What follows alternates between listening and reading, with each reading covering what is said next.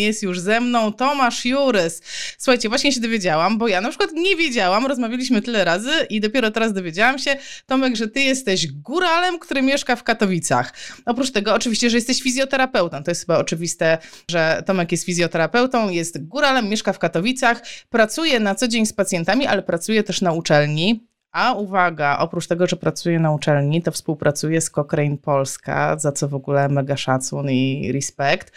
I jeszcze, żeby tego było mało, słuchajcie, jak ma takie wolne chwile, takie wiecie, jak się zdarzają takie wolne chwile, mam, chwile mamy i nie wiemy w sumie, co z tym czasem zrobić, to w tych wolnych chwilach on jeszcze robi doktorat. Tomek po prostu szacun, chylę czoła i dzięki, Cześć, że znalazłeś czas na to e, wszystko. Dobry wieczór wszystkim. E, bardzo dziękuję za zaproszenie na dzisiejszy live oraz takie e, bardzo miłe przedstawienie. Naprawdę bardzo dziękuję. E, muszę, muszę Wam powiedzieć, że z Tomkiem ostatnie, zobacz, to można już powiedzieć, że parę miesięcy, bo my żeśmy parę miesięcy siedzieli nad tym projektem tak naprawdę. Tak, no tak. Znaczy tak, jak to, wiecie jak to jest. Jeżeli Joanna Tokarska pisze do ciebie, że chce zrobić z tobą wspólny projekt, no to jedyną słuszną odpowiedzią jest na kiedy? Mam rację? Mam rację, mam rację. Zawstydziłam się teraz, ale faktycznie robiliśmy wspólny projekt, wymyśliliśmy sobie taką rzecz, że jest bardzo dużo fajnych publikacji i wiesz co, ja bym w sumie od tego chciała zacząć. Zanim powiemy dokładnie o co chodzi, to chciałabym, żebyś powiedział, na czym polega Twoja praca dla Cochrane Polska i co to jest ten cały Cochrane, tak? Żeby było wiadomo w ogóle w jakiej my żeśmy, w jakiej my rzeczywistości osadziliśmy się. Cochrane, zwłaszcza znaczy Cochrane Polska, natomiast Cochrane jest to organizacja non-profit, która zajmuje się e, kolektywem oraz sumaryzacją dowodów naukowych, niezależnie od dziedziny. No oczywiście głównie tutaj mówimy o, o medycynie, naukach o zdrowiu, natomiast Cochrane zajmuje się zbieraniem wszelkich dostępnych dowodów naukowych oraz łączeniem ich w, jedną całość, co pozwala nam e, tworzyć wytyczne, zalecenia, czy e, takie stan, tworzyć standardy postępowania e, w pracy z pacjentem. Ja w Cochrane głównie zajmuję się tłumaczeniem takich pełnotekstowych streszczeń całych tych przeglądów, gdyż warto wspomnieć, że taki pojedynczy przegląd Cochrane to jest co najmniej 100-120 stron i są to strony no takie, no nie jest to Times New Roman czcionka 12 interlinia podwójna, tylko to bardzo, bardzo długie, szczegółowe opracowania i aby no, trudno byłoby te tłumaczenia robić całych pełnych tekstów, zajmowałoby to niezwykle bardzo dużo czasu, w związku z czym e, ja zajmuję się tłumaczeniem takich pełnotekstowych streszczeń, takich najważniejszych informacji z danego przeglądu. Zajmuję się ich tłumaczeniem z języka angielskiego na język polski. No nie tylko ja, jest cała duża rzesza wolontariuszy, którzy się tym e, zajmują. Natomiast tych przeglądów też jest dużo. Ich rocznie powstaje e, no, w zależności od roku, natomiast no, raczej się to liczy w tysiącach e, niż w setkach.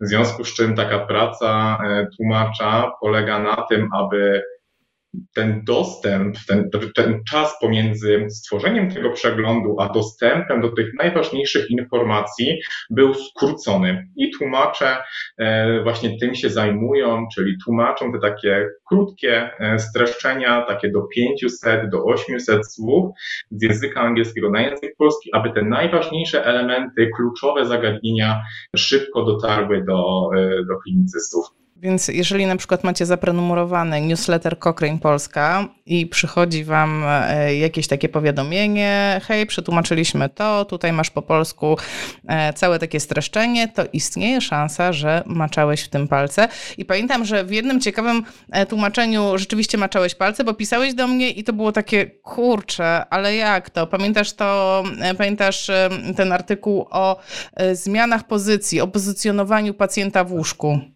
Kolejna rzecz. Tak, to, był, to było moje pierwsze takie e, tłumaczenie, czyli mm, autorzy oceniali, czy stosowanie pozy zmian pozycji ułożeniowych, czyli takie standardowe, które były e, nam przekazywane na studiach, czyli w dzień co dwie godziny, a w nocy co cztery.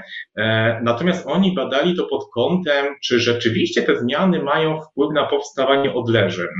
Czy jeżeli rzeczywiście często zmieniamy pozycję ułożeniową pacjenta w łóżku, to czy będzie to wpływało pozytywnie, zmniejszało ryzyko powstawania odleżeń. No i co mnie też bardzo zdziwiło, nie można jednoznacznie potwierdzić, że akurat ta interwencja, czyli zmiana pozycji ułożeniowych, będzie korzystnie wpływała, zmniejszała ryzyko powstawania odleżeń. No i Ale zobacz. Pamiętam, że tym się właśnie z Tobą podzieliłem. No właśnie, i zobacz, że to jest kolejna rzecz, e, kolejna taka informacja, która świat neurologii może tak postawić tak, hmm, ale jak to, wiesz, bo często żyjemy w jakichś przekonaniach, robimy jakieś procedury i one nam się wydają w 100% słuszne, że tak trzeba, tak trzeba robić. I ja to tak zawsze mówię, jak tłumaczę innym osobom, czym jest Cochrane, to mówię, wiesz, to jest taka organizacja, która zbiera wszystkie informacje z całego świata, robi to bardzo rzetelnie, no i jak Cochrane powie, że coś jest e, dobre, to po prostu nie ma nikogo mądrzejszego, ważniejszego, kto by powiedział, że to jest dobre. E, więc wierzymy, jak Cochrane powie, to jest to takie troszeczkę święte, można powiedzieć. No i e, krótka droga teraz stąd do tego, co my żeśmy sobie obrali za cel, czyli no dobrze, no to zajmijmy się tym malutkim 170-stronnicowym przeglądem Cochrane, który mówi o tym, czy warto robić stretching w neurologii. Czy to w ogóle działa? Słuchajcie, to jest po prostu hit. No, e, tutaj I... jeszcze, jeszcze ostrożnie, jeszcze ostrożnie. Tutaj e, e, warto powiedzieć, że e, tak, ten tekst, który my wzięliśmy na warsztat, on ma 170 stron. Natomiast tak, myśmy go przeczytali oczywiście całego, natomiast cały nie został poddany analizie. Dlaczego? Dlatego, że ten tekst traktuje o stretchingu, o wykorzystaniu stretchingu w ogóle, czyli zarówno w neurologii, jak i w ortopedii czy traumatologii. Także my zajęliśmy się pewnym jego e, wycinkiem, w związku z czym tutaj, jeżeli e, są z nami osoby bardziej zainteresowane taką ortopedyczną, traumatologiczną częścią fizjoterapii, to my jak najbardziej odwołujemy też do tego tekstu.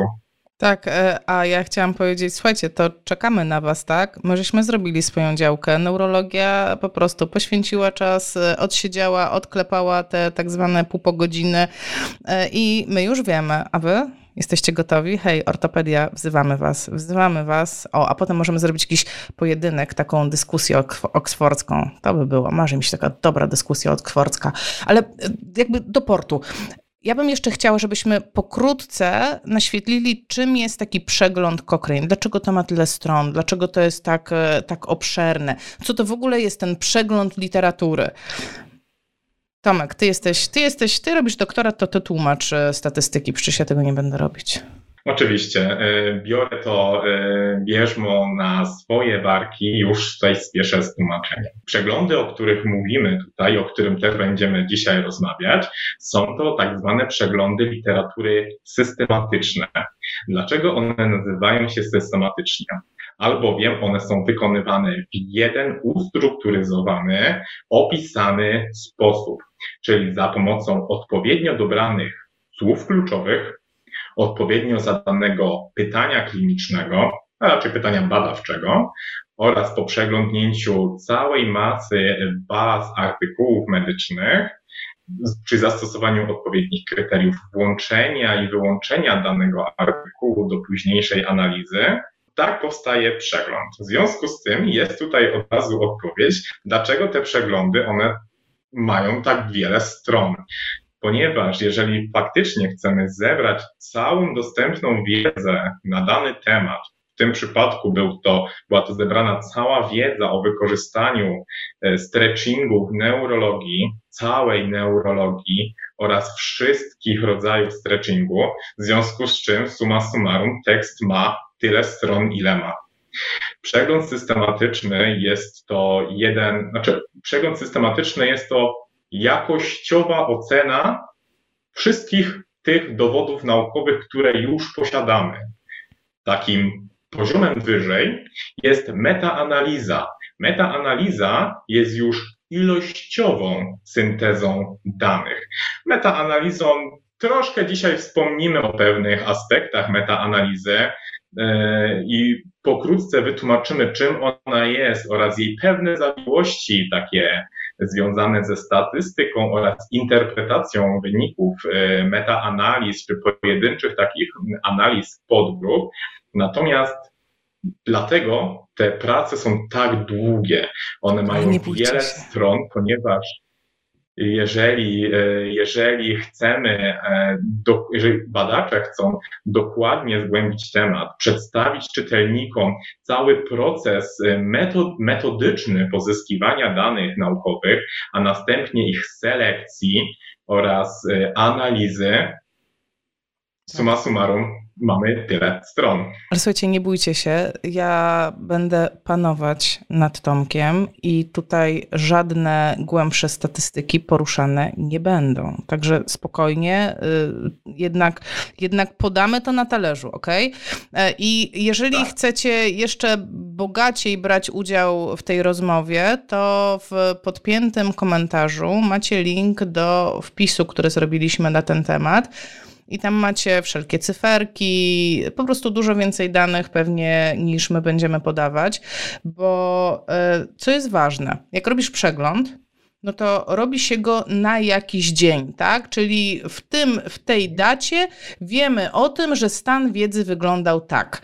I to jest dosyć istotne dla nas, bo mamy rok 2023 w czasie tego nagrania, a przegląd to był 2017 rok, czyli mamy wiedzę, która no tak naprawdę jest już troszeczkę nieaktualna, bo 6 lat w świecie nauki to już no to prawda, zgadzam się, jak najbardziej 6 lat w świecie nauki jest to bardzo dużo, natomiast warto zwrócić uwagę, że przeglądy systematyczne Cochrane bardzo często ulegają aktualizacji, czyli te grupy robocze, które pracują nad danym przeglądem, to nie wygląda też to tak, że one zamykają swój projekt już nigdy do niego nie wracają. Bardzo często jest tak, że albo ci sami autorzy lub autorzy pokrewni e, cały czas, że tak powiem, trzymają rękę na pulsie, co się w świecie nauki dzieje. I jeżeli istnieje taka potrzeba, gdyż pojawia się coraz więcej nowych artykułów naukowych w danym temacie, to przeglądy systematyczne Cochrane są uaktualizowywane, więc one e, są tak nowoczesne, jakie, jaka jest podana data. To znaczy, że jeżeli ten przegląd systematyczny jest z 2017 roku, to e, najprawdopodobniej od 2017 roku do roku bieżącego nie powstały żadne istotne w tej e, materii badania naukowe, które mogłyby zmienić wyniki, które są z tego z 2017 roku. Uuu, ajajaj. Ała. Tak bym powiedziała, ała.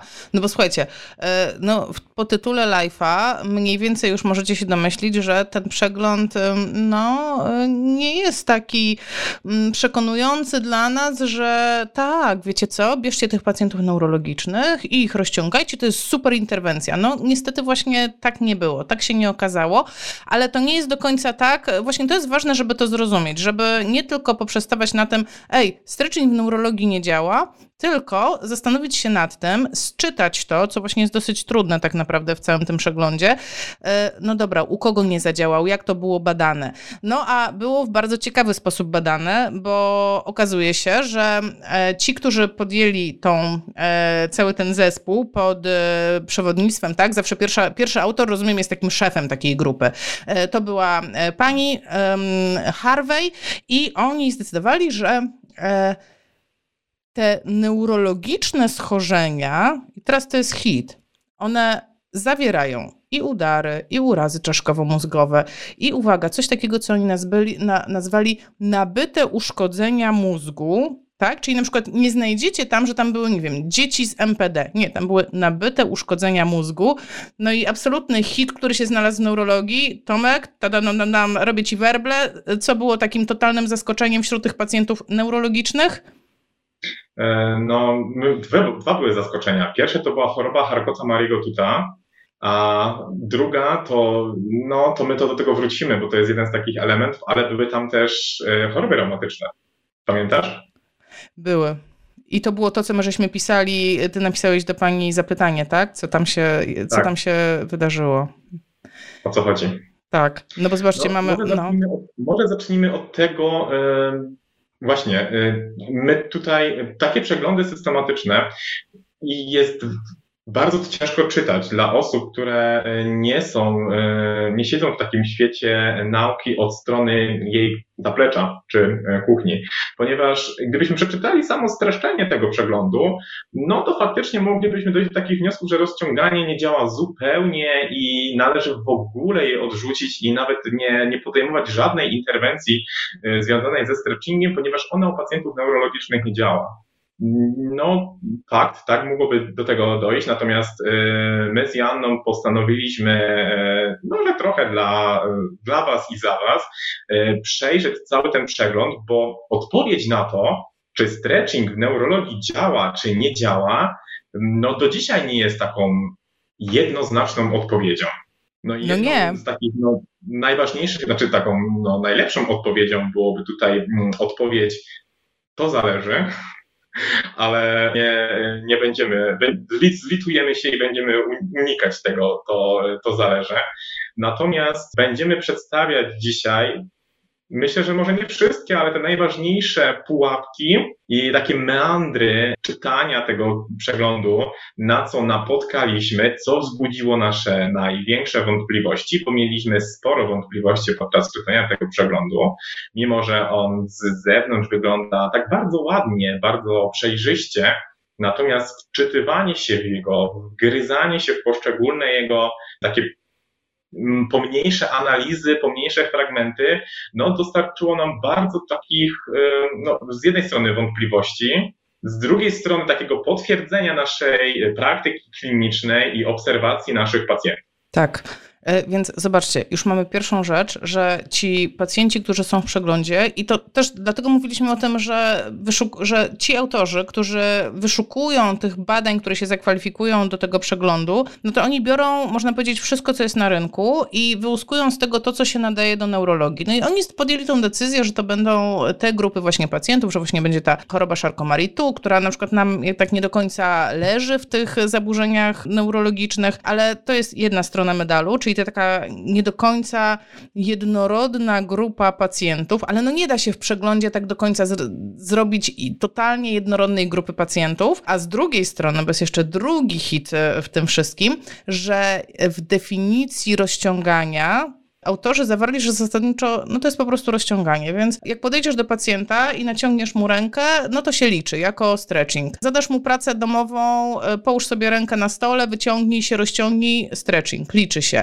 Włożysz go w gips e, na seryjne tam gipsowania, redresyjne, liczy się jako stretching. Więc tam po prostu było wrzucone do worka tego stretchingu absolutnie wszystko, co my, fizjoterapeuci, możemy sobie wymyślić. Może nie absolutnie wszystko, bo tam nie było wszystkiego, ale bardzo dużo interwencji, które my rozumiemy e, być może nawet trochę inaczej, bo ja zadałam takie pytanie, e, kiedy my żeśmy się tym zajmowali na grupie fizjopozytywnych. Hej, co wy w ogóle rozumiecie pod hasłem e, stretching? Co fizjoterapeuci w Polsce rozumieją pod hasłem stretching? I tam odpowiedzi były bardzo różne, ale wcale niespójne z tym, co autorzy zaliczyli jako stretching. Także dlatego zachęcam was, żeby sobie otworzyć ten link i sobie to przeczytać, bo tam macie to e, wszystko po prostu umieszczone w tym artykule. Także, no teraz zobaczcie, nasze fizjoterapeutyczne serca mogą mogą w pewnym sensie płakać, tak? Staje e, Charcot-Marie obok e, dziecka z MPD, obok e, człowieka po udarze mózgu i wszyscy są w jednym worku i obok w jednym worku jest to, a weź się rozciągnij trochę przed kolacją i weź zagipsuje cię na tydzień, prawda? No to tak, tak. No, nie, nie, po naszemu, nie? Tak nie po naszemu totalnie. No, to była taka jedna z takich pierwszych i pierwszych i pierwszych poważniejszych wątpliwości, ale też takich e, oznak, że no to wcale nie będzie taka bułka z masłem, czyli przeczytamy 170 stron, wyciągniemy z tego najważniejsze informacje i spróbujmy je przekazać w taki dostępny, e, przy, przystępny e, i taki łagodny sposób, tak, żeby no, te najnowsze doniesienia ze świata nauki e, przedstawić. Faktycznie wrzucenie tak, co prawda neurologicznych, ale tak skrajnie różnych e, schorzeń, e, których podłoża są zupełnie inne, bo zupełnie inne jest podłoże przy, przy udarzeniu dokrwiennym mózgu, a zupełnie inne jest przy chociażby stwardnieniu rozsianym. Także no to zasiało nam taką pierwszą wątpliwość, że tutaj będziemy, będziemy musieli być bardzo ostrożni przy interpretacji wyników, które będą uogólniane, czyli tutaj będziemy się musieli tego uogólniania bardzo wystrzegać. No i faktycznie tak było i to też doprowadziło nas do takich no, całkiem, całkiem ciekawych wniosków i obserwacji. Więc to jest jedna rzecz, czyli wrzucenie do tego jednego worka, tak trochę brzydko mówiąc, tych wszystkich schorzeń neurologicznych, to była jedna rzecz, natomiast druga, wrzucenie tych wszystkich interwencji też skrajnie różnych, bo, bo samodzielne rozciąganie, a gipsowanie to są dwie skrajnie różne interwencje terapeutyczne. I, i to też wrzucenie do jednego worka i uogólnianie tych wyników napawało nas takimi pewnymi wątpliwościami co do, e, co do samej jakości tej, tej pracy. No bo wiesz, ja tak się uśmiecham, bo nie mogę się, nie mogę się doczekać, żeby się wyrwać, że to jeszcze nie koniec. Jeżeli myślicie, że hmm, to było dziwne, to jeszcze nie koniec, bo bardzo ciekawe to jest. Początek. tak, to dopiero początek. Bardzo ciekawe jest, w jaki sposób autorzy oceniali skuteczność, tak? Czyli co tak naprawdę było poddawane ocenie. Co, czego oczekiwali po tym stretchingu, tak? No bo zazwyczaj mamy jakieś pytanie badawcze w pracy naukowej, tak? Nie wiem, czy interwencja X y, powoduje coś tam. No i to coś tam też trzeba jakoś zdefiniować, czego my się spodziewamy. Czy my się spodziewamy, że tobie się zwiększy zakres ruchu? Czy my się spodziewamy, że ciebie będzie mniej bolało? Czy my się spodziewamy, czy tobie się poprawi jakość życia? A teraz uwaga, to nie koniec, bo zobaczcie, taka prosta rzecz jak to, czy zwiększył mi się zakres ruchu. Załóżmy, że ćwiczę, tak? Ja, Joanna Tokarska, ćwiczę i rozciągam sobie, nie wiem, staw ramienny, strzelam i zwiększył mi się zakres ruchu przy jakiejś metodzie o załóżmy 2 stopnie, czyli mam efekt, tak? Można powiedzieć, że mam efekt. No to teraz mam jeszcze kolejne dwa aspekty. Czy ten efekt w ogóle jest istotny? Czy on jest w granicach błędu pomiarowego, czyli de facto źle zmierzyłam, czy jak tą interwencję zrobimy na 100 osobach i też wyjdzie ten efekt 2 stopnie, czy on jest statystycznie istotny, a nawet jak wyjdzie statystycznie istotny, no to jeszcze dalej, czy to ma kliniczne znaczenie dla mojego pacjenta, czy te dwa stopnie mają znaczenie? Zobaczcie, jakie to jest głębokie. I no, żeby tak dodać takiego pieprzu do całej tej historii, z tego co ja pamiętam, istotności klinicznej nie badano. To znaczy, samą istotność kliniczną możemy my już sobie wywnioskować na podstawie wyników. Należy też zwrócić uwagę, że autorzy przeglądu, oni są trochę takimi zbieraczami, trochę takimi analitykami, ale tam takich pewnych, jednoznacznych wniosków autorzy zazwyczaj unikają. Tam jest zawsze takie otwarte pole do, do konstruowania wniosków z danego przeglądu czy z danej pojedynczej analizy. Jeżeli faktycznie przeanalizowano i połączono wyniki ośmiu badań i e, na, zawierające grupę no, na przykład 500 osób, i wyszło, że e, stretching poprawia zakres ruchomości o 2 stopnie i jest to istotne statystycznie, no z jednej strony okej, okay, to zawsze nas gdzieś tam, jak pisaliśmy prace magisterskie, jak czytamy różne artykuły naukowe, zawsze nas to interesuje, czy, czy jest ta istotność statystyczna, czy jej nie ma. Natomiast no tutaj jest taki bardzo ważny aspekt, poruszyłaś, istotności klinicznej. To znaczy, czy co mi daje te dwa stopnie, czy, yy, czy, czy faktycznie potrzebuję marnować E, czas na pacjentę, z pacjentem na tą interwencję, gdyż co prawda ona według badań naukowych poprawia zakres ruchomości o 2 stopnie, ale czy ja jestem w stanie te 2 stopnie e, rzetelnie zmierzyć, rzetelnie i powtarzalnie zmierzyć? Czy czasem nie jest tak, że badając zakres ruchomości goniometrem nie mamy pięciostopniowego błędu pomiarowego, no, no właśnie. I zakres ruchomości w naszym e, przeglądzie, który analizowaliśmy, był taką najczęstszym analizowanym wynikiem.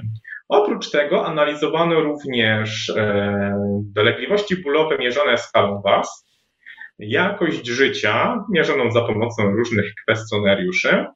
Mierzono również e, poziom e, takiego uczestnictwa w życiu społecznym oraz taką, taki poziom funkcji, taki, taką aktywizację, poziom aktywizacji. Ono też odbywała się za pomocą różnych kwestionariuszy. No i e, na tym się głównie skupiali, e, skupiali badacze, czyli zakres ruchomości, dolegliwości bólowe w skali WAS, jakość życia, no i poziom e, aktywności i uczestnictwa. No i powiedzmy sobie szczerze, od tych takich najprostszych rzeczy, jeśli chodzi o zakres ruchomości, to tam wielkiej poprawy nie było. Ile dobrze pamiętam, była jedna grupa, która się poprawiła. Uwaga, uwaga, self-care, czyli e, samodzielnie wykonywanych ćwiczeń. Ale zobaczcie, mamy to, mamy to, mają mamy pacjenci to. samodzielnie ćwiczyć, mamy to na papierze. Wiecie, to nie były wielkie poprawy, umówmy się, ale rzeczywiście... To znaczy, tam, było, e, tam z tego co pamiętam była poprawa o 8 stopni, czyli już takie e, obiecujące. Natomiast yy, i tak nie uznaliśmy tego 8 stopni za coś bardzo wartościowego, gdyż y, zaszedł tam jeszcze jeden taki mankament y, bardziej metodologiczny i statystyczny, ale o tym może później. Nie, dawaj, dawaj. Mogę powiedzieć o owsiance? Czy to jest dobry moment, żebym powiedziała o owsiance? To jest bardzo dobry moment, żebyś powiedziała o owsiance. Słuchajcie, dla takich osób, e, którym e, ciężko sobie wyobrazić te obliczenia statystyczne, czyli takich jak ja, ja muszę sobie to przekładać na różne symbole. I z przeglądem statystycznym jest e, troszeczkę tak, że on jest jako wsianka. Czyli wrzucamy te różne badania do jednego talerza i najfajniej by było, żeby owsianka była taka gładziutka, żeby była im bliższa o kaszy mannej, tym lepiej, nie? To ona jest gładka, wszystko można porównać do wszystkiego, w ogóle jest idealnie.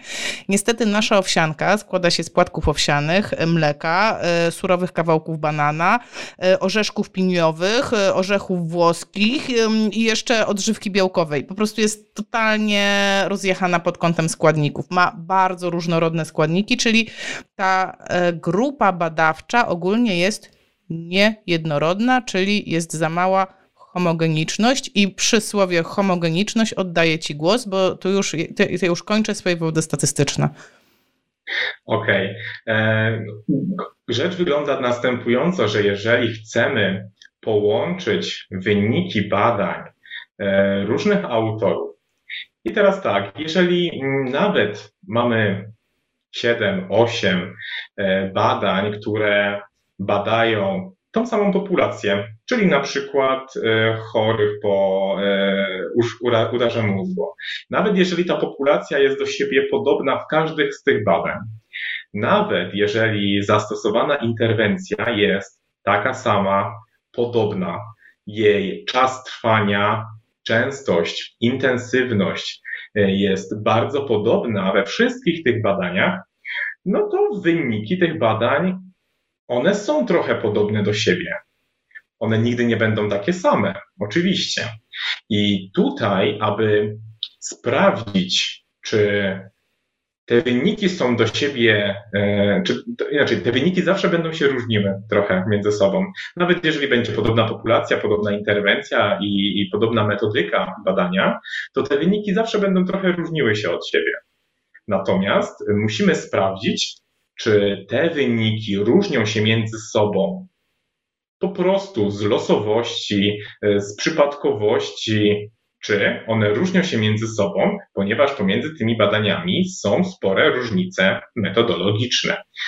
Do tego oczywiście służy cała bateria testów statystycznych e, i tutaj możemy mówić albo o poziomie homogeniczności, w przypadku jeżeli mówimy o stopniu podobieństwa wyników do siebie, lub jeżeli chcemy powiedzieć o różnicach, e, o stopniu zróżnicowania wyników pomiędzy poszczególnymi badaniami, no to wtedy mówimy o heterogeniczności. I to jest parametr, który zawsze podawany jest, znaczy najczęściej jest podawany w procentach. Jeżeli poziom heterogeniczności, czyli tych różnic pomiędzy poszczególnymi e, badaniami włączonymi do danej analizy, jest tak do 25%, no to możemy uznać, że różnice pomiędzy poszczególnymi badaniami właśnie wynikają z przypadkowości, z losowości doboru, czy to interwencji, czy próbki, czyli osób badanych.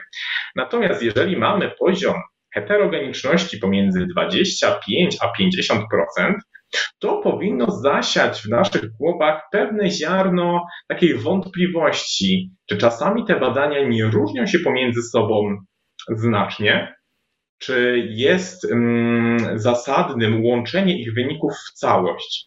Natomiast jeżeli mamy, i to jest do rozważenia, te 25-50% e, heterogeniczności to jest jeszcze do rozważenia. Natomiast jeżeli heterogeniczność jest powyżej 50% i wyżej, to naprawdę głęboko należy się zastanowić, czy w ogóle e, te wyniki tej pojedynczej analizy mają sens. Co zazwyczaj wtedy robią badacze? Dokładniej przyglądają się e, włączonym do analizy badaniom i zazwyczaj, tak Wam powiem z praktyki, e, badanie, które najbardziej mm, odstaje, jest po prostu wyrzucane z tej analizy. I jeżeli badacze wykazują się takim dosyć dużym poziomem obiektywizmu naukowego, to oni powiedzą, napiszą, tak, wyrzuciliśmy to badanie. Badanie zostało odrzucone, ponieważ w testach heterogeniczności wychodzi, że ono dosyć sporo się różni metodologicznie, zazwyczaj metodologicznie, od innych badań. Więc do analizy zamiast 7 włączyliśmy 6 prac. I wyniki, które Wam przedstawiamy, dotyczą 6 prac, a nie 7. Sorry. Natomiast no, duża rzesza gdzieś tam ten fakt yy, ukrywa i yy, no, wtedy, wtedy jest to, co się bardzo często dzieje. Jeżeli ja chcę coś udowodnić, to ja ci znajdę badanie, że, że takie coś jest. A jeżeli ktoś chce mi zaprzeczyć, to też znajdzie badanie, które to e, zaprzecza. No, takie to meandry i pułapki e, badań naukowych. Więc... Ale Tomek, no liczymy, że to się nie zdarzyło w e, Y, liczymy na to, że to się nie zdarzyło tutaj, bo ta e, heterogeniczność jest, no, y, umówmy się, spora, tak? No tak, tutaj musimy trochę wrócić, bo oczywiście odpłynęliśmy. Faktycznie jedna analiza i tutaj chodziło o e, skuteczność stretchingu w nabytych uszkodzeniach mózgu i tam faktycznie ten zakres ruchomości zwiększył się o 8 stopni. No więc już tak trochę nas to e, zainteresowało, no bo 8 stopni, no to, no to już coś. Natomiast, no niestety, ale poziom heterogeniczności badań włączonych w tą pojedynczą analizę, czyli skuteczność stretchingu u osób z nabytymi uszkodzeniami mózgu, ten poziom heterogeniczności wyszedł 63%. Czyli no niestety, jeżeli jest tak wysoki poziom heterogeniczności, oczywiście e, czasami e, dokonuje się innych testów statystycznych, nawet przy tak wysokich poziomach heterogeniczności, ale e, no niestety, no dla praktyki klinicznej musimy uznać, takie, takie, taki wzrost tego zakresu ruchomości bardziej za przypadek niż za regułę. Nie chcemy go uznawać za przypadek. Wiesz, no chcemy, chcemy wiedzieć, bo widzisz, wszystko się sprowadza do tego, że my chcemy wiedzieć, jak mamy pracować jak najskuteczniej z pacjentem. E, zwłaszcza z pacjentami neurologicznymi, zakres ruchomości jest trudnym tematem. I ci, co pracują, zwłaszcza z osobami, e, czy z dzieciakami, czy z dorosłymi, z, e, zwłaszcza z przewlekłą taką e, neurologią, no to wiedzą, jak ciężko jest wywalczyć każdy stopień, ale patrz, to co wcześniej mówiłam, stopień to dopiero stopień. A jakie to ma przełożenie na funkcjonowanie tego pacjenta? Bo mnie to najbardziej interesuje, tak? Czy on się poprawił? Dokładnie tak. Czy, nie wiem, czy jego mniej boli, czy on lepiej żyje, czy on lepiej funkcjonuje. No takie proste rzeczy. I tutaj, słuchajcie, no też nie było tak różowo w tej analizie, tak? Bo tam... Nie było tak różowo, należy. To po pierwsze nie było różowo, e, jakość życia nie poprawiała się ani istotnie statystycznie, ani istotnie klinicznie.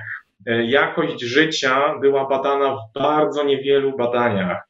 E, bardzo, pomimo tego, że nadal mamy, że mamy już 2023 rok i, e, i, i można by powiedzieć, że, że jakość życia w badaniach naukowych po prostu wyskakuje zewsząd, no to niestety tutaj w tym przeglądzie mamy takie trochę zderzenie się ze ścianą, że wcale jakość życia to nie jest priorytet badawczy osób zajmujących się oceną danych interwencji w danej grupie pacjentów. Ona była badana raczej śladowo, Natomiast y, co więcej, y, badanie wpływu tych interwencji na poziom uczestnictwa w życiu y, społecznym, czy w ogóle w życiu, nie było badane w ani jednej pracy włączonej do analizy. Czyli no, nikt nie pochylił się nad tym, czy to, oczywiście mówię nie o autorach tego przeglądu, o którym my omawiamy, tylko o autorach tych wszystkich pojedynczych, maluczkich badaniach, tam nikt nie pochylił się nad y, tym, czy te interwencje w ogóle będą miały przełożenie na poziom uczestnictwa y, chorych w życiu, na oczywiście zwiększenie tego uczestnictwa. No ale już wracając do takich najczęściej pojawiających się, y, się wyników, najbardziej takich no, oceniających tych wyników, no to mieliśmy tutaj jeszcze ocenę dolegliwości bólowych w skali WAS. No i tutaj na szczęście ja się akurat z tego cieszę, ponieważ tutaj e, nie wykazano żadnego wpływu, e, znaczy wykazano lekkie pogorszenie. Więc tutaj no taki malutki troszkę e, też wstryczek i no taka troszkę ko, ko, kolejna łyżeczka może już nie pieprzu, ale bardziej dziegciu, że u pacjentów poddawanych regularnemu stretchingowi obserwowano zwiększenie dolegliwości bólowych. No, o efektach y, ubocznych będziemy jeszcze mówić, bo to jest dosyć istotna również kwestia. Natomiast tutaj zbadano i jest to na papierze, że u pacjentów neurologicznych y, po, rozcią- po takich no, stosowaniu częstego rozciągania zwiększyły się dolegliwości bólowe. Oczywiście one były bardzo śladowe, ponieważ to były zwiększenie dolegliwości na szczęście o tam jakieś dziesiąte w skali WAS i nie były one niezwykle istotne, zwłaszcza klinicznie, bo one były istotne statystycznie, natomiast tam pogorszenie o 0,1, 0,2, 0,4 w skali WAS to na szczęście nie jest duże pogorszenie, ale no tu mamy pewien trend. I patrz, ja w tym momencie chciałam, żebyśmy się na chwilę zatrzymali z analizą e, samego badania, które omawiamy, a przez chwilę odwołali się do naszych doświadczeń klinicznych i do własnych przemyśleń. Także teraz to, co będziemy mówić, to co ja teraz powiem, jest moim osobistym zdaniem i zachęcam Was do tego, żeby w komentarzach napisać, e, co Wy sądzicie na ten temat. No bo zobacz, Tomek z jednej strony nie mamy poprawy e, zakresu ruchu, tak? No mamy w jednym miejscu te 8 stopni, nie jesteśmy w sumie pewni, czy te 8 to tak naprawdę. No generalnie nie mamy jakichś wielkich, spektakularnych efektów e, w zakresach ruchu, ale teraz zadajmy sobie pytanie. Jeżeli myślę o pacjencie neurologicznym, to czy przypadkiem brak pogorszenia tak naprawdę nie jest sukcesem terapeutycznym? Czyli czy tak naprawdę nie powinniśmy myśleć w ten sposób, że okej, okay, były te oddziaływania, niektóre troszkę tam zadziałały, że ta ruchomość się zwiększyła, ale w sumie najlepszym, e, najlepszym oddziaływaniem, jakie może być, to takie, które nie dopuści do tego, żeby te przykurcze się rozwinęły. Więc może w tym kontekście rzeczywiście warto to stosować, bo tam nie było czegoś takiego, że ci, e, te osoby poddawane temu stretchingowi, tym wszystkim interwencjom, że one one się pogarszały. Nie było czegoś takiego, prawda? Chyba w żadnym miejscu nie było. Więc... I tutaj to jest też, to jest właśnie ten pierwszy mankament, o którym mówiliśmy.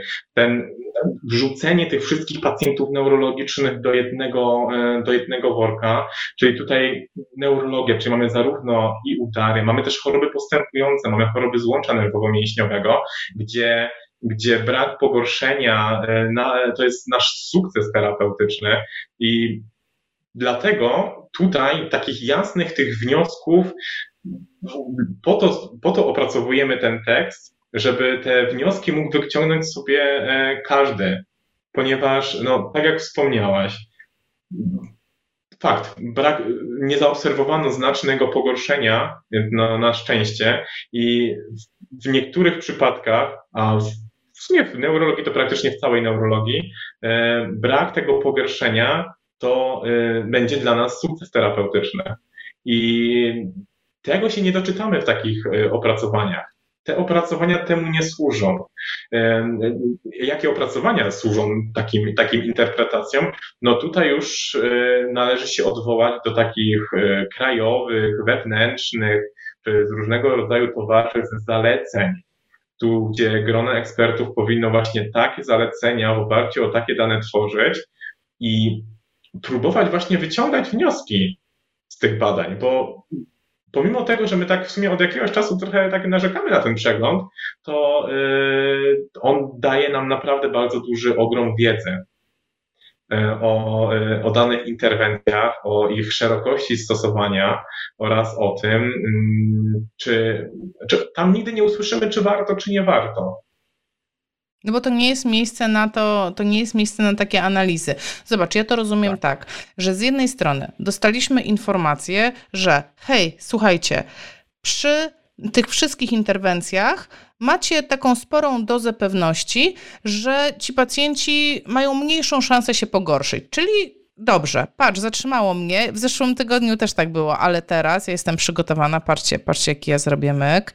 Zrobię tak i tak. O, bach, i jadę z drugiej kamery. Widzicie, ja w zeszłym tygodniu byłam nieprzygotowana, a teraz jestem przygotowana. I ja chyba wiem, dlaczego to się stało, ale numer. Pięknie, ale dobrze, to też wiem, jak temu e, zapobiec. Dobrze, e, z jednej strony wiemy, że on się e, ma szansę nie pogorszyć, no ale teraz patrz, ja mogę mieć dwa cele terapeutyczne. Mogę mieć cel terapeutyczny taki, że ok, profilaktyka, profilaktyka wtórna, nie chcę, żeby ten pacjent nabył tych przykurczów, nie chcę, żeby one się pogarszały, no ale jednak mogę mieć taki cel terapeutyczny, nie, ja potrzebuję większej ruchomości. To jest bardzo częsty cel terapeutyczny. Tak jak rozmawiam z moimi na przykład koleżankami, które pracują z dziećmi z MPD, to one często mówią, ale Aśka, ale my mamy te zwiększanie ruchomości. Dajemy botoks, wkładamy w gips, rozciągamy, pracujemy e, parę tygodni i ja mam tą większą ruchomość, więc obserwują skuteczność też interwencji. No ale przeważnie, tak jak słucham, są to jakieś interwencje takie, wiesz, złożone, że kilka rzeczy naraz tak. się działo, czego w dużej mierze ten przegląd z kolei nie uwzględniał, tak? Bo tam. Dokładnie tak. E, natomiast tutaj też musimy się odwołać oczywiście do, do metodyki tych przeglądów. Tak, sami odpowiedzmy sobie, jeżeli byśmy chcieli zebrać wszystkie badania, które oceniają wszystko, to takie przeglądy by nie powstawały, bo no nie, miał, nie mielibyśmy się do czego zawężać. Więc tutaj warto wspomnieć, że do przeglądów zostały włączone badania, które oceniały skuteczność stretchingu tylko. Czyli grupa badana miała tam kilka interwencji, miała stretching, na przykład w formie seryjnego gipsowania, a druga grupa nie miała stretchingu w ogóle lub miała jakąś interwencję placebo czy interwencję pozorowaną. Natomiast y, i tutaj no, odwołujemy się do naszej i waszej praktyki y, klinicznej. Wydaje mi się poprawnie, y, że mało kto stosuje stretching jako interwencję jedyną, jako leczenie główne. Zazwyczaj tak. jest to nasze postępowanie dodatkowe, uzupełniające. Jest to jeden element z całego planu terapeutycznego. Dlatego wasze, obserwa- wasze i nasze obserwacje kliniczne są, z, no, są takie, że jednak ci nasi pacjenci po zastosowaniu e, stretchingu, ale jako jednej z wielu form się poprawiają. Ten Patrz. przegląd tego nie ocenia. Tak, e, ja sobie pozwolę przeczytać e, komentarz Tomka, który po prostu idealnie pasuje do tego, co teraz mówisz. I Tomek pisze: Z mojego doświadczenia wynika, że jeśli podczas uprawia, e, usprawniania pacjenta zaniedbam pracę na strukturze, między innymi rozciąganie, to po czasie przykurcze się nasilają, a funkcja siada. Ja na przykład mam bardzo podobne doświadczenia i moje zdanie jest podobne. E, przeczytam też, co napisała Marta. Naszym celem jest oczywiście nie pogorszenie stanu pacjenta, a zostawienie go w takim stanie, w jakim jest. To prawda. Często zdarza się, że musi być to nasz cel, nie tylko u pacjentów neurologicznych, jak i geriatrycznych. Zależy nam na utrzymaniu ich takim stanie, w jakim są, aby mogli funkcjonować w życiu codziennym w jak najlepszym dla nich aspekcie. E, Ala wrzuciła jeszcze, że wrzucam moje rozciąganie na treningach personalnych MPD czterokończynowe. Zwiększamy systematycznie zakres ruchu. I ja dodam, patrz, ja jeszcze dodam, zaraz będę dalsze komentarze czytać, bo powoli będę płynnie chciała przechodzić oprócz tych, e, oprócz tych aspektów ruchomości do tych aspektów boli, nie boli, czy mam lepszą jakość życia, czy gorszą. Wrzucam przykład e, totalnie anegdotyczny, czyli przykład mojego mojego męża, za jego zgodą oczywiście, który ma dystrofię mięśniową, e, obręczowo-kończynową. I słuchaj, jak on się nie rozciąga, jak on i to tak nie rozciąga się, on mówi, jest strasznie. Ja nie mogę funkcjonować, mnie boli. E, od razu jest e, okropny charakterologicznie, wiesz, zmienia się, ten ból wpływa na jego e, charakter wtedy. Ale to jest, mówi, dla mnie to jest w ogóle rozciąganie jest kluczem do dobrostanu. Więc jestem przekonana, że takich pacjentów, pacjentów, takich osób po prostu jest um, więcej. Tak, po prostu. Ewa pisze, e, moim zdaniem, zdaniem chorego neurologicznie fizjoterapeuty, e, Ewa ma schorzenie neurologiczne, e, wielokrotnie już była na live'ach, cześć Ewa. Ewa pisze tak, rozciąganie jest niezbędne, ponieważ brak rozciągania powoduje sztywność i przykurcze. Inną sprawą jest technika i częstotliwość. Najlepsze są ćwiczenia funkcjonalne, na przykład wchodzenie pod górę, wchodzenie po schodach, schodzenie, bierne rozciąganie zawsze skutkuje buntem tkanki. A widzisz, Ewa, a na przykład u mojego męża jak najbardziej biernie, takie klasyczne redresje, położyć się nóżka w dół i rozciągamy 20 minut. Więc znowu, zobacz, dochodzimy do tego, że każdy człowiek jest inny, indywidualnie trzeba dobrać tą, dobrać tą interwencję i okej, okay, ten przygląd mówi mi, yy, nie rozciągaj, bo będzie go, go, go Bożej, będzie go gorzej bolało a, a niekoniecznie. No niekoniecznie, tak. tak? Dlatego tutaj oczywiście nasze postępowanie terapeutyczne powinno być poparte e, zarówno dowodami naukowymi, ale decyzje kliniczne podejmujemy my, terapeuci. To jest no, podstawa naszego postępowania i nawet jeżeli spojrzymy na mm, taką piramidę dowodów naukowych, gdzie no, u samego szczytu jako najważniejsze właśnie są te metaanalizy czy przeglądy systematyczne, ale u podstawy dowodów naukowych są opinie ekspertów i obserwacje kliniczne. I od tego zaczynamy. Patrz, a ja tutaj szykuję na szybko e, takie mm, pomoce naukowe, no bo na czym polega posługiwanie się w decyzjach klinicznych wiedzą naukową? To nie jest tak, że co mi powie przegląd, to ja mam robić. Patrz, przygotowałam sobie y, takie kółeczko i patrz, w dowodach naukowych, w tym postępowaniu klinicznym, co się liczy? Liczy się, liczą się te dowody, to jest to, o czym dzisiaj mówimy, mhm. ale liczy się pacjent, jego przekonania, jego doświadczenia, e, to co on sądzi i liczę się ja, jakie ja mam doświadczenie, co ja umiem, w czym się lepiej czuję, do czego ja mam przekonania i dopiero gdzieś po środku jest ta decyzja kliniczna, co my będziemy robić. Więc to nie jest tak, że e, ja pochylam głowę, nauka mi powiedziała, że od rozciągania to jest ból, to znaczy, że ja już żadnego pacjenta nigdy w życiu nie rozciągnę i po prostu Czujesz? Dokładnie tak. Sami autorzy tego przeglądu, w takich tych końcowych częściach, pomimo tego, że wykazują to, co wykazują w tym przeglądzie, y, czyli brak takiej e, skuteczności, czy w jakości życia, w zakresie ruchomości, czy dolegliwościach bólowych, ale stosowania stretchingu jako jedynej formy usprawniania, to oni podkreślają, że nie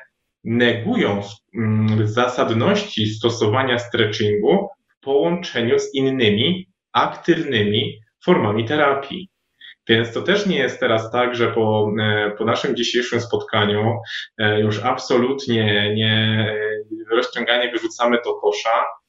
Nie. Natomiast mamy tutaj, bo to już mamy czarno na białym, że stosowanie rozciągania jako jedynej formy terapeutycznej, jedynej formy e, pracy z pacjentem, no nie jest, nie jest takie, e, nie jest skuteczne mm, lub, e, no jak tutaj interpretujemy w przypadku innych pacjentów, nie, nie, nie pogarsza, ale nie polepsza.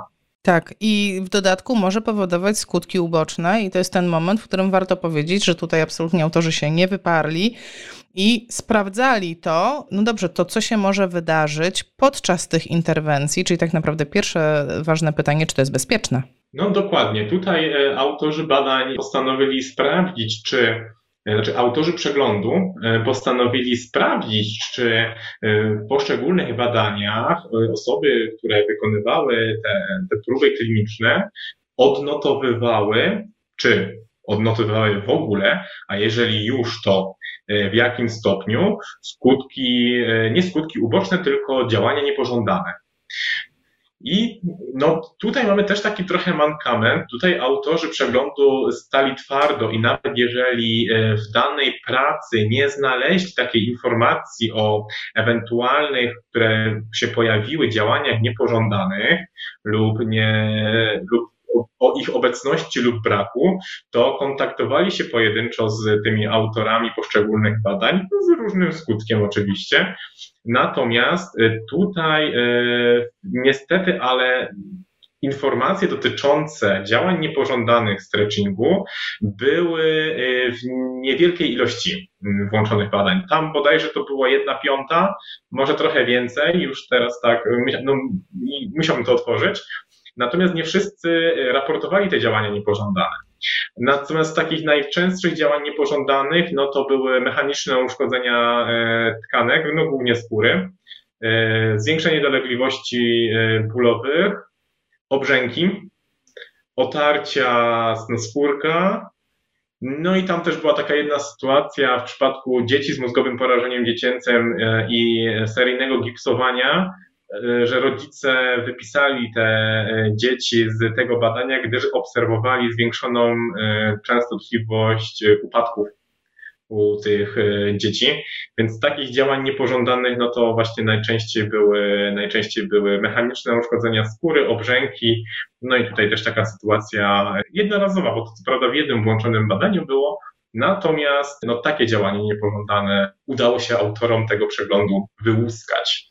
Czyli zobaczcie, no nie ma, nie ma dramatu, znowu, nie ma dramatu, tak?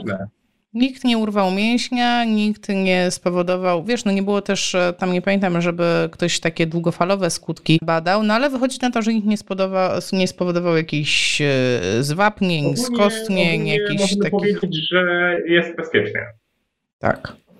I e, tak, żeby, bo patrz, już sumujemy, prawie godzinę mówimy, ale bardzo tak, e, bardzo ładnie jesteśmy w punkt, bo jesteśmy w takim dobrym momencie, żeby podsumować, no to okej, okay, to robimy, nie robimy, to działa, to nie działa. Tomek, jak to, jak, jak, jaką klamrą to zamkniemy? Bo wychodzi na to, że stretching w neurologii nie działa, ale robimy.